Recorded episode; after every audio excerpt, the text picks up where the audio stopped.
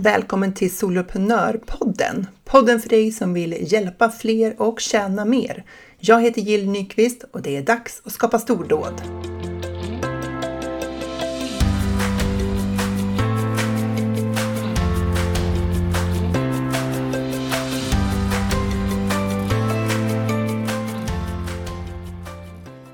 Om du fick höra att det fanns ett sätt att nå 50 potentiella kunder vid ett tillfälle skulle det vara intressant för dig då? Så här, om någon erbjöd dig att utan att behöva ställa dig på en scen framför de här personerna så kan du nå alla på samma gång. Eller om du kunde nå 500 personer varje vecka, hur skulle det vara? Och du behöver inte ens lämna ditt hem. Du kan sitta där du sitter och ändå ta kontakt, nå fram, få svar. Jag pratar såklart om din e-postlista, nyhetsbreven, de som vi ibland säger att ingen vill ha och ingen läser. Men det är inte sant. Det stämmer inte att ingen läser. Och kan du tänka dig något endaste sätt på ett något annat sätt som du kan nå 50 eller kanske 20 eller 500 av dina potentiella kunder varje vecka. Personer som har problem med just det du erbjuder. Och hur vet du att de har utmaningar inom just det område som du jobbar? Jo, för att de har ju självmant kommit in på din lista genom att ladda ner din freebie, någon form av digital giveaway i utbyte mot sin e-postadress. Därför vet du att de har intresse av just det du erbjuder. Vi kanske inte tänker på det hela tiden, men allt vi kommunicerar är egentligen sälj.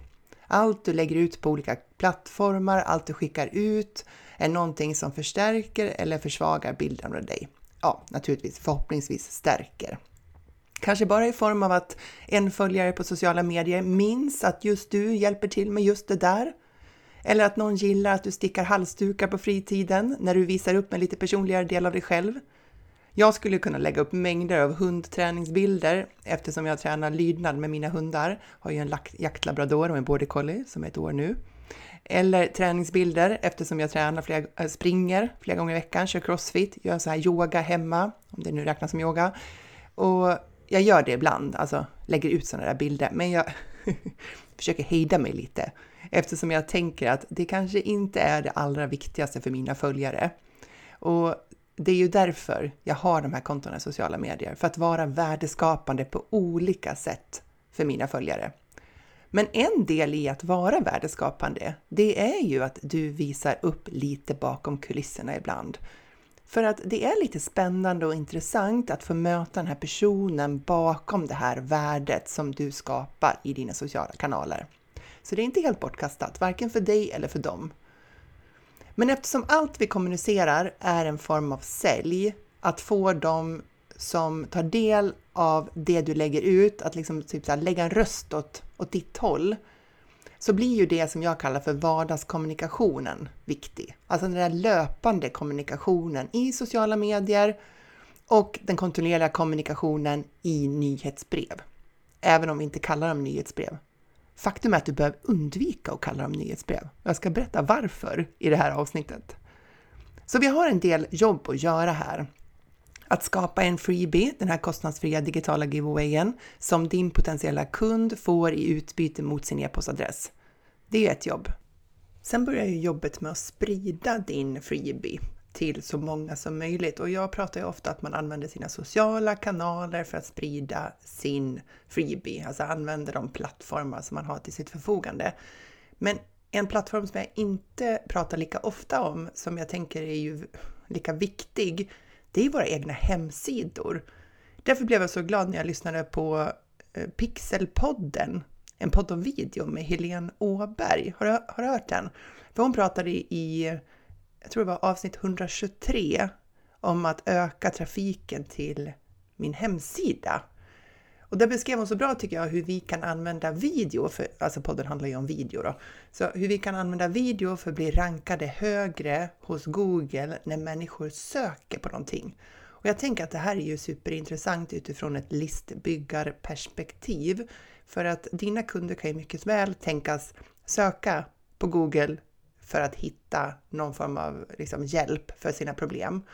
Och tänk om då din hemsida kommer upp högt på de sökresultaten och du på första sidan på din hemsida har din kostnadsfria guide eller ditt gratis webbinar eller vad det är du nu är som erbjuder i form av freebie.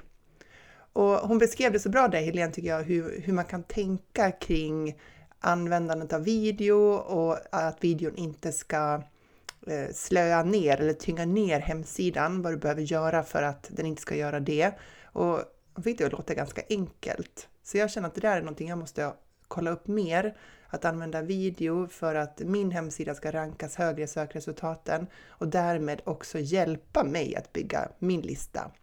Så fundera på det om det skulle också kunna vara någonting för dig och lyssna in 123 då på, på Pixelpodden om du vill veta lite mer om det här. Och sen börjar ju jobbet med vardagskommunikationen. Att dyka upp i inboxen med guldkorn som underlättar eller lyser upp deras vardag på något sätt.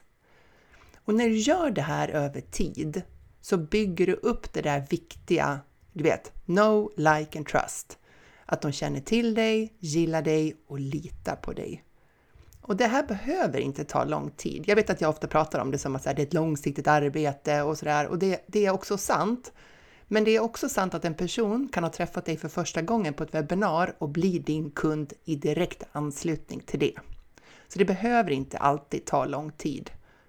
Men för att inte förlita dig på att du kan hjälpa alla dina webbinardeltagare att fatta ett beslut där och då på webbinariet så behöver du följa upp. Och när jag säger webbinarier så menar jag alla typer av event som du arrangerar i syfte att sälja, om du kallar det workshop eller vad det är för någonting du kallar det. Så behöver du ge dem en möjlighet att landa i ett beslut. Och det är ju här e-postmarknadsföringen kommer in. Vi, ja, vi människor behöver ju ofta hjälp att fatta det där beslutet. Och att få en serie med mejl som påminner om att jag har ett beslut att fatta och att det finns en deadline, det hjälper faktiskt till. Så medan vi på andra sidan skicka knappen kan känna oss lite tjatiga eller vara rädda för att framstå som pushiga, så finns det en mottagare i andra änden av internet som verkligen behöver det där sista mejlet från dig för att få till sitt beslut. För att verkligen orka fatta det där beslutet. Och det kanske är ett nej. Beslutet kan ju bli ett nej. Men då är det åtminstone ett medvetet beslut. Det var inte bara så att det rann ut i sanden. Och det är ju bättre för både kunden och dig. För då vet du att du har gjort ditt jobb så långt du kan. Och kunden har gjort sitt. Kunden har fattat ett beslut och bestämt sig. Men det blir såklart också en del ja tack av de här mejlen också. Och bara för att belysa hur stor skillnad e-postmarknadsföringen kan göra i samband med försäljning, där man har gjort det här förjobbet med föreläsningar, leveranser, webbinar och på olika sätt hjälpt sina kunder, så har jag några exempel för kunder jag har hjälpt nyligen. En kund lanserade ett utbildningsprogram första gången online och med hjälp av mejlsekvensen som vi satte upp, det var fem mejl tror jag, så sålde kunden för närmare 80 000 kronor. Och kunden hade då gjort jobbet med att skapa värde innan mejlen drev hem affären. En annan sålde en onlinekurs och med hjälp av några mejl när det närmade sig deadline fick in runt 50 000 i intäkter. Och en tredje lanserade en medlemstjänst med runt 150 000 i intäkter första svängen. Så en kurs, ett program, en medlemstjänst det spelar ingen roll vad det är du vill sälja. Det mesta går att sälja med e-postmarknadsföring. Men du behöver göra jobbet innan. Och ibland krävs en lång relation innan en kund köper. Och ibland så går det snabbt.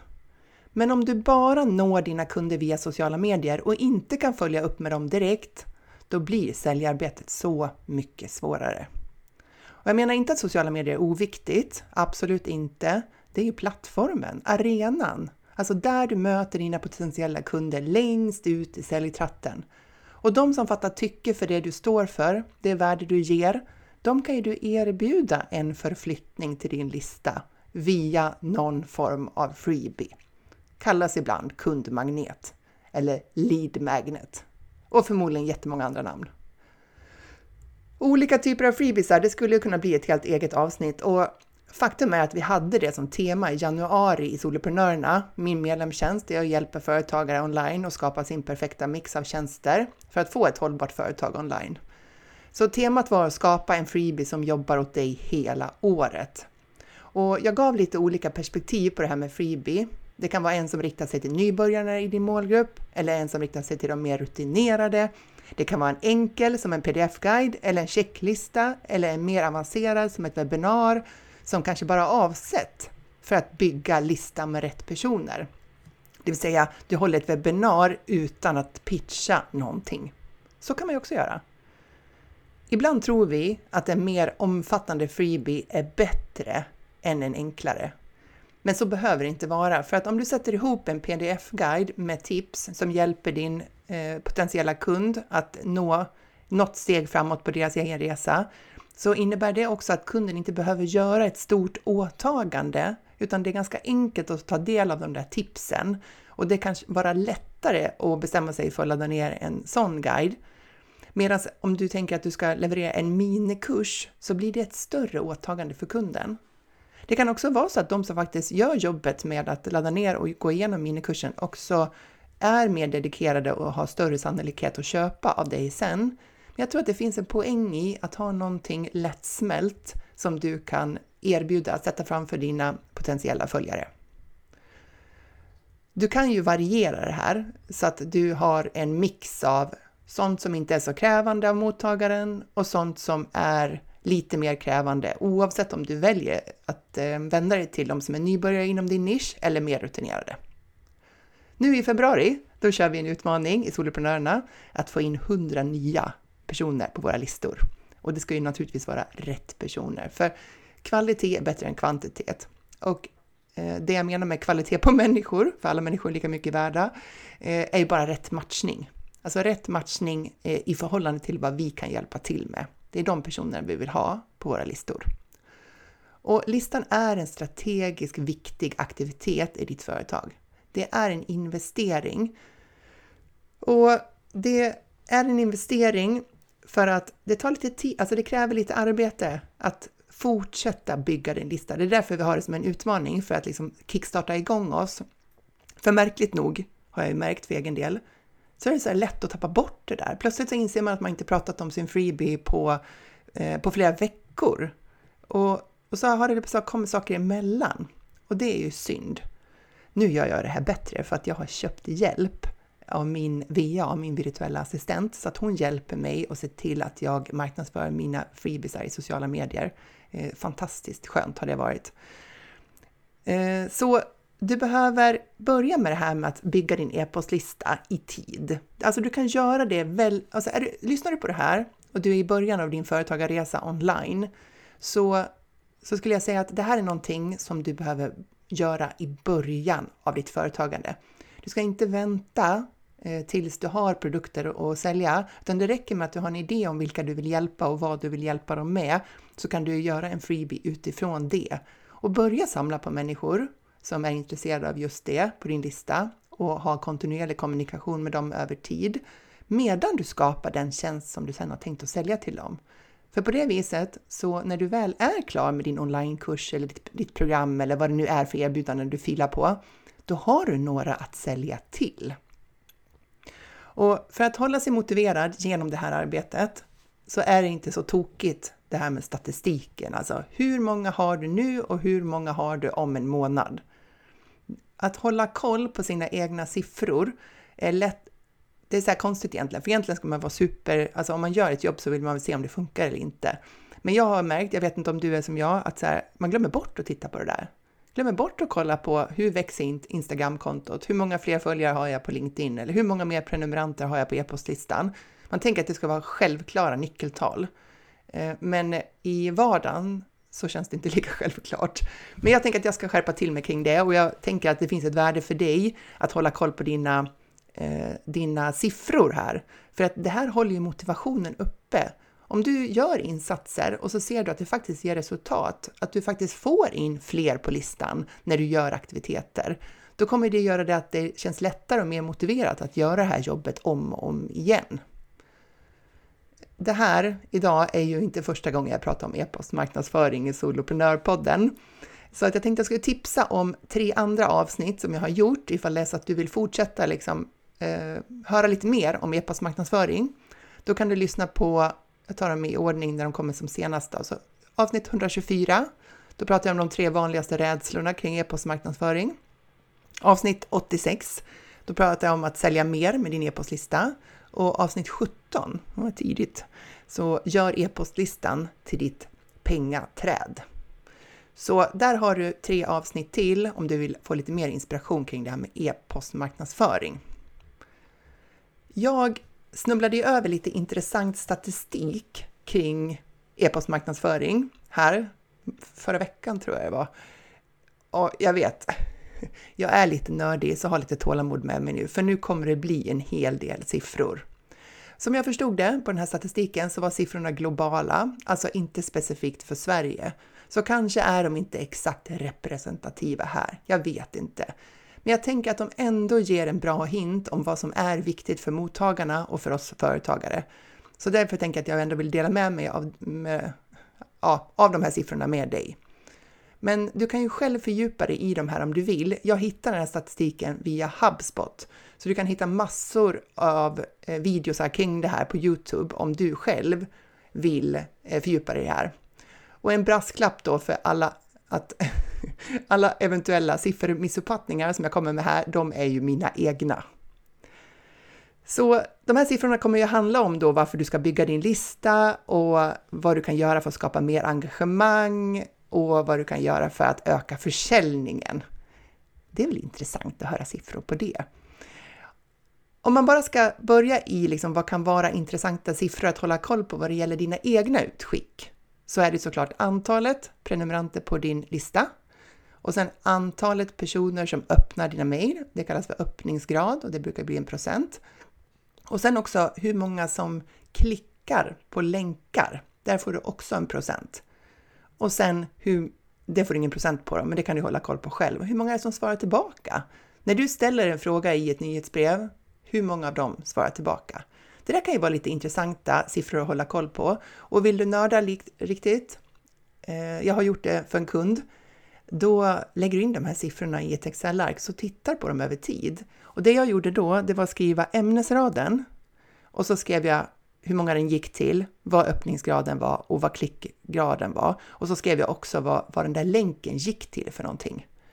Och det är förvånansvärt vad intressant det blir när man ser de här trenderna över tid och du kan titta på ett samlat ark vad, Eh, vilka ämnesrader som går hem till din lista. Alltså vad är det man är mer benägen att öppna och vad är man mer benägen att klicka på? Så det är lite tips om du vill använda det här året för att lära dig mer om vad som går hem eh, hos din eh, lista.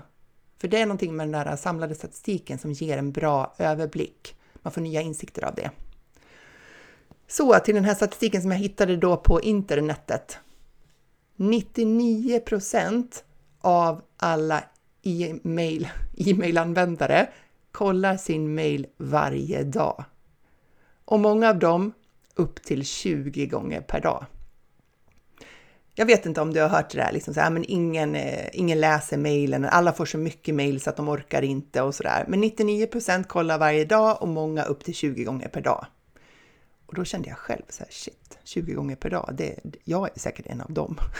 så går in på telefonen och trycker på uppdatera och ser om det har kommit in någonting nytt. Den här statistiken visade också att eh, return of investment, ROI, alltså eh, det du får tillbaka på eh, investerad krona, det här var i dollar då, är 36 dollar för varje investerad dollar. Så att så här, lägg in en dollar, få tillbaka 36. Och det är bara att titta på, nu har inte jag räknat ut det själv, men om man tittar på vad det kostar att jobba med e-postmarknadsföring i form av systemlösning och så vet jag inte om man räknar arbetstid också. Men det kan vara systemlösning eller det kan vara annonskostnader och sådär. Och så titta på vad har då min försäljning blivit med hjälp av det här, e-postmarknadsföring, så kan man ju räkna ut sin egen return of investment. Och jag har inte gjort det, men det, det är lite intressant att tänka på. Men här i den här statistiken så var det 36 dollar för varje investerad dollar. Det är ju inte så tokigt, 36 gånger pengarna. Sen visade det sig att det fanns någonting man kunde göra för att drastiskt öka intäkterna. Mm, så jag får så här spetsa öronen. Eh, det handlade om att segmentera sin lista. Och nu vet inte jag om det här är mer, relevant om du säljer produkter, för att segmentera listan skulle vara så här, du är en sportbutik och då segmenterar du en lista på de som är intresserade av inte bara cyklar, utan så här landsvägscykel, mountainbike. Sen har du en annan som är så här längdskidåkare och så kanske har någon som har eh, nu kommer jag inte på någon mer sport. Ja, eh, mm, paddel paddelintresserade, eller ja, du vet, så här, att man segmenterar, man grupperar sin lista utifrån vad kunderna är intresserade av. Och då i den här statistiken, då visar det sig att när man riktar specialanpassade erbjudanden till de här olika segmenten, då ökade intäkterna med 760 procent. Jag vet inte, jag tycker det låter som en felskrivning, det låter helt galet. Jag skulle i och för sig jag skulle vara nöjd med om de så här fördubblades, så att jag, är ju, jag skulle vara hemma redan där. Så här, det här kan man ju fundera på, eller hur? För att om du har flera olika eh, freebies, då kan ju du hålla ordning på vilken, vilka som har laddat ner den ena och vilka som har laddat ner den andra. Och då kanske det är så att du har skapat en freebie som riktar sig till ett ämnesområde som är en del av ditt företagande och som du på det sättet skulle kunna rikta specifika erbjudanden till. Så jag tänker även vi som jobbar online och jobbar med kunskap skulle kunna jobba med segmenterade listor och det kanske du redan gör.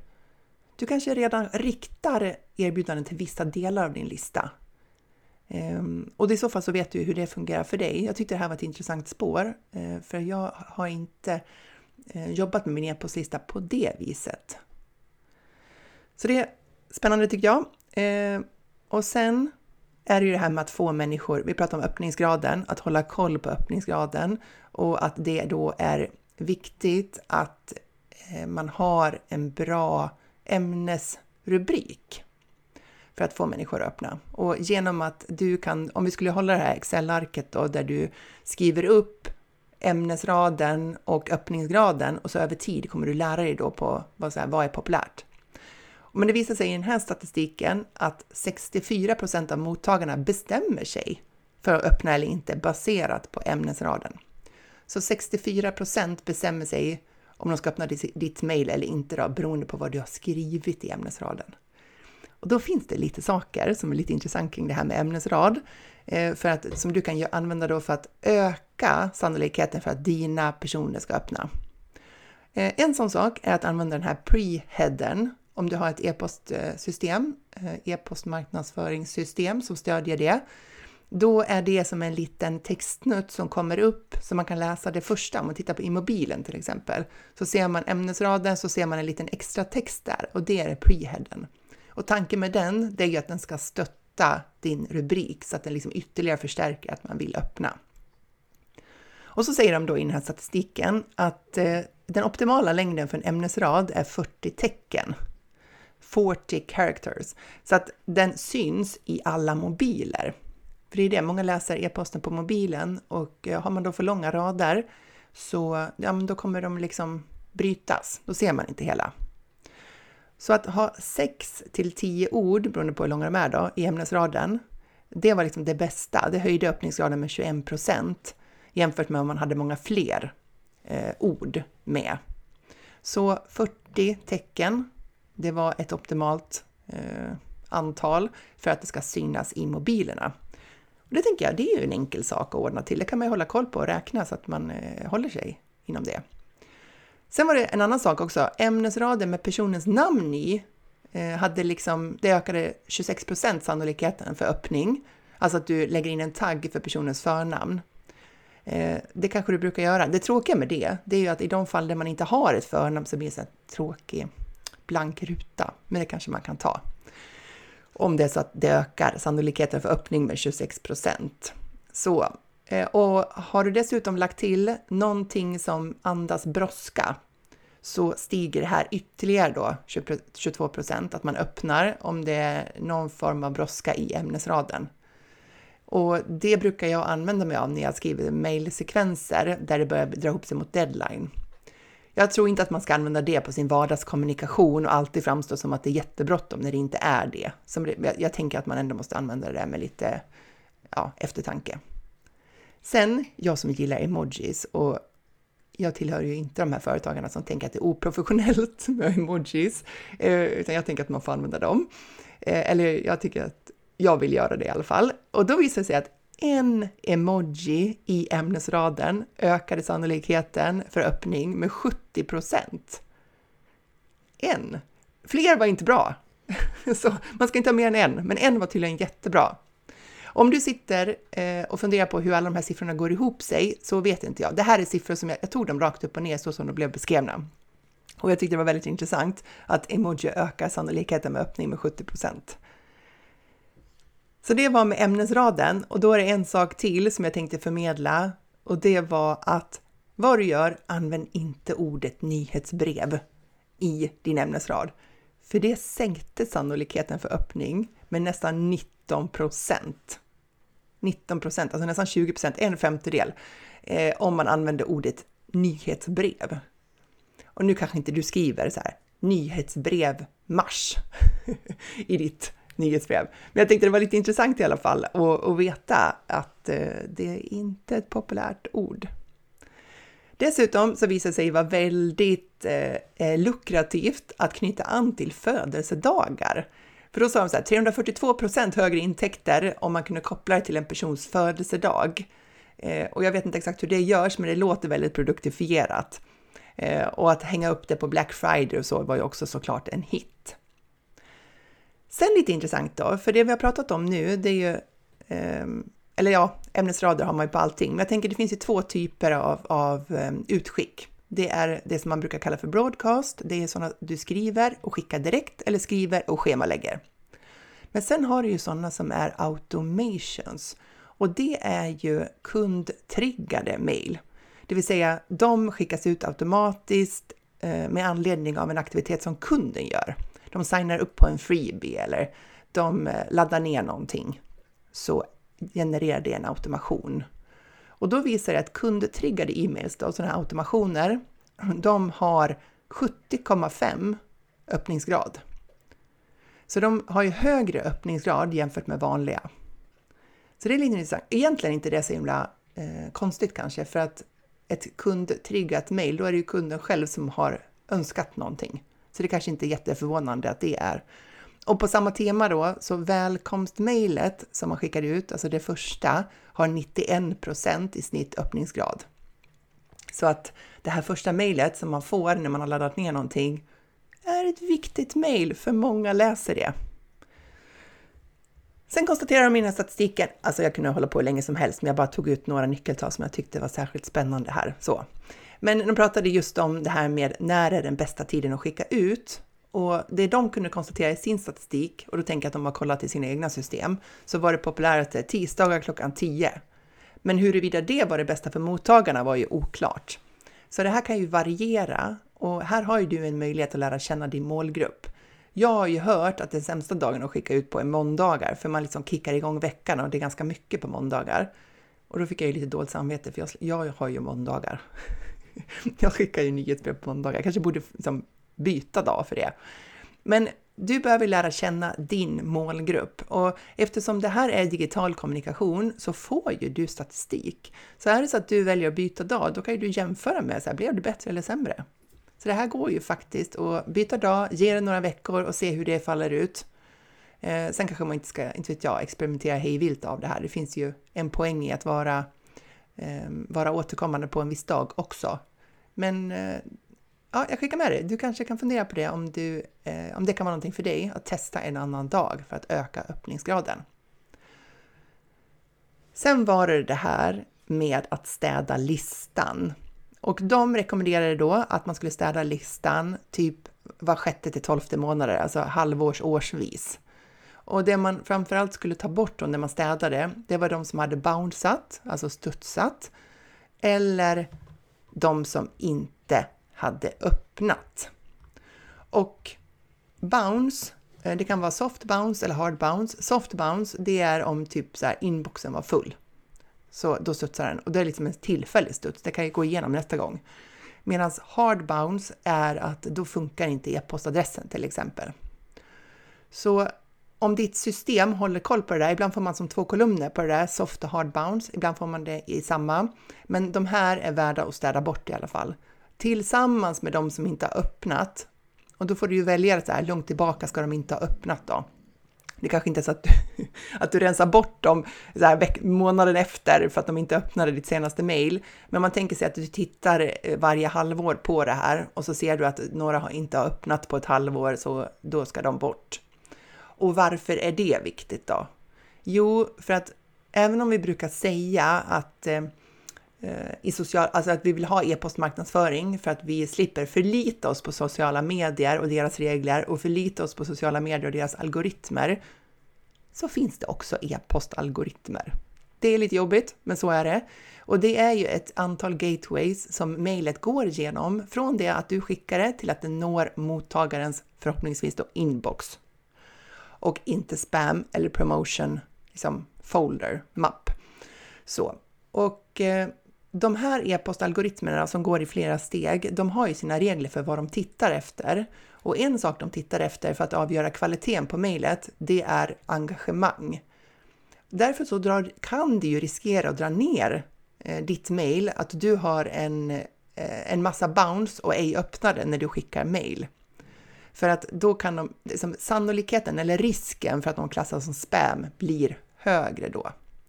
Så därför så är det viktigt att vi städar våra listor och tar bort sådana som har studsat eller som inte har öppnat över tid. De konstaterar också att de direkt avrådde från att köpa listor. Det kanske inte är någonting du har funderat över överhuvudtaget, men det går ju alltså att köpa e-postlistor. Men de avråder för det. Det på, kan påverka ditt varumärke negativt. Mottagaren har inte valt att få e-post från dig och så vidare. Så eh, avslutningsvis så konstaterar de att en genomsnittlig person som jobbar på ett kontor, vi säger att du riktar dig till en person som jobbar på kontor, kanske i deras roll som eh, eh som anställd på det här företaget, får ungefär 120 mejl per dag. Och 40 av dem kräver action som liksom hör till deras jobb. Men de här andra 80, de slåss ju om uppmärksamheten då och det är ju där vi kan hamna då, bland de andra 80. Så därav så behöver vi ju lära oss att vara värdeskapande för att vi ska nå fram genom det här bruset. Och det visar sig också, och det här tänker jag är lite intressant för oss, att 8 av 10 prospects, alltså 8 av 10 potentiella kunder, föredrar att bli kontaktade via mail. Och då tänker jag att de föredrar det framför ja, typ telefon då, eller direktmeddelande, Messenger eller via LinkedIn kanske, jag vet inte. Eh, eller man kommer knacka på dörren. Så, så 8 av 10 föredrar att bli kontaktade via mail. Och det fanns eh, en fråga som jag ofta får när jag utbildar företagare i det här med e-postmarknadsföring är ju så här, hur ofta ska man skicka mail? Och då fanns det en liten graf i den här statistiken som jag tittade på som jag tänkte jag ska bara läsa upp för dig så får du lite perspektiv. Det här är de sista siffrorna för det här avsnittet. Eh, 13 procent av de här som de undersökte då, eh, skickade mejl dagligen. Och då var det alltså nyhetsbrev. Om man tänker sig eh, mails i syfte att påverka en mottagare att eh, vid något tillfälle köpa. Dagligen 13 procent. Flera gånger i veckan var också 13 procent. Sen var det 33 procent som hade en gång i veckan, alltså varje vecka 33 procent. Och sen var det 26 procent som hade eh, flera gånger per månad. Så flera gånger per månad. Och så var det sista då, 13 procent som hade månadsvis, det vill säga en gång per månad. Så då, då ser du här eh, att 13 plus 13 plus 33 skickar då en gång i veckan eller mer. Så väldigt många i den här undersökningen skickar nyhetsbrev ofta och då som minst då en gång i veckan och 13 procent varje dag. Jag vet inte. Jag tror inte att jag skulle rekommendera någon att skicka nyhetsbrev varje dag. Men jag tänker att det här ger ändå lite stöd för att skicka en gång i veckan är inga konstigheter. Och skulle du behöva skicka ett par gånger i veckan så funkar det också. Det handlar ju om innehållet, det handlar ju om att vara värdeskapande. Ja, det här blev ett långt avsnitt med många siffror. Eh, men om du är lite nördig som jag så tyckte du att det var lite roligt att få lite perspektiv på det här utifrån en undersökning som har tittat på väldigt många utskick. Och som sagt, det här var glo så här globala siffror, kanske ser lite annorlunda ut i Sverige, men det ger ändå ett intressant perspektiv på det här med ämnesrader, utskicksfrekvens och vad man kan uppnå med sin e-postmarknadsföring när man gör det på rätt sätt.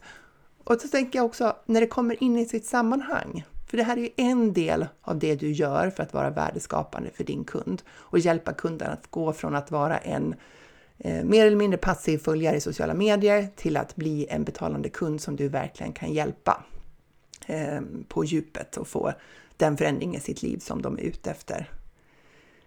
Så jag hoppas att det här kan hjälpa dig att se e-postmarknadsföring som en väg till dina stordåd.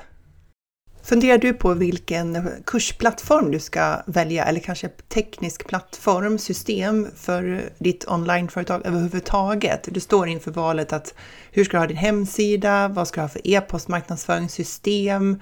Vad ska du göra dina kurser i? Eller om du ska ge medlemstjänster eller hålla webbinar eller sådär. Så att du antingen inte har valt alls eller du har en lösning som du inte riktigt är nöjd med. Då kan jag rekommendera New Sendler till dig om du vill titta in på en kursplattform bakom kulisserna.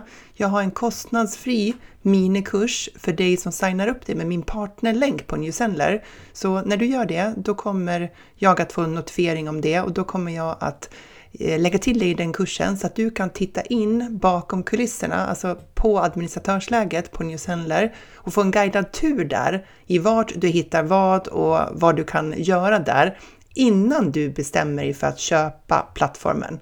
På det viset kan du fatta ett välgrundat beslut innan du trycker på köpknappen. Gå in på min hemsida solopreneur.nu och signa upp dig på ett gratiskonto på Newsender via min partnerlänk där eller titta i profilen på Instagram solopreneur.nu.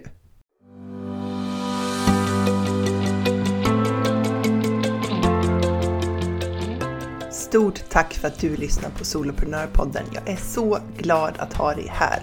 Du får jättegärna lämna mig en review på iTunes och ratea podden. Ge den fem stjärnor om du tycker att den är värd det, så hjälper du mig att sprida den till fler.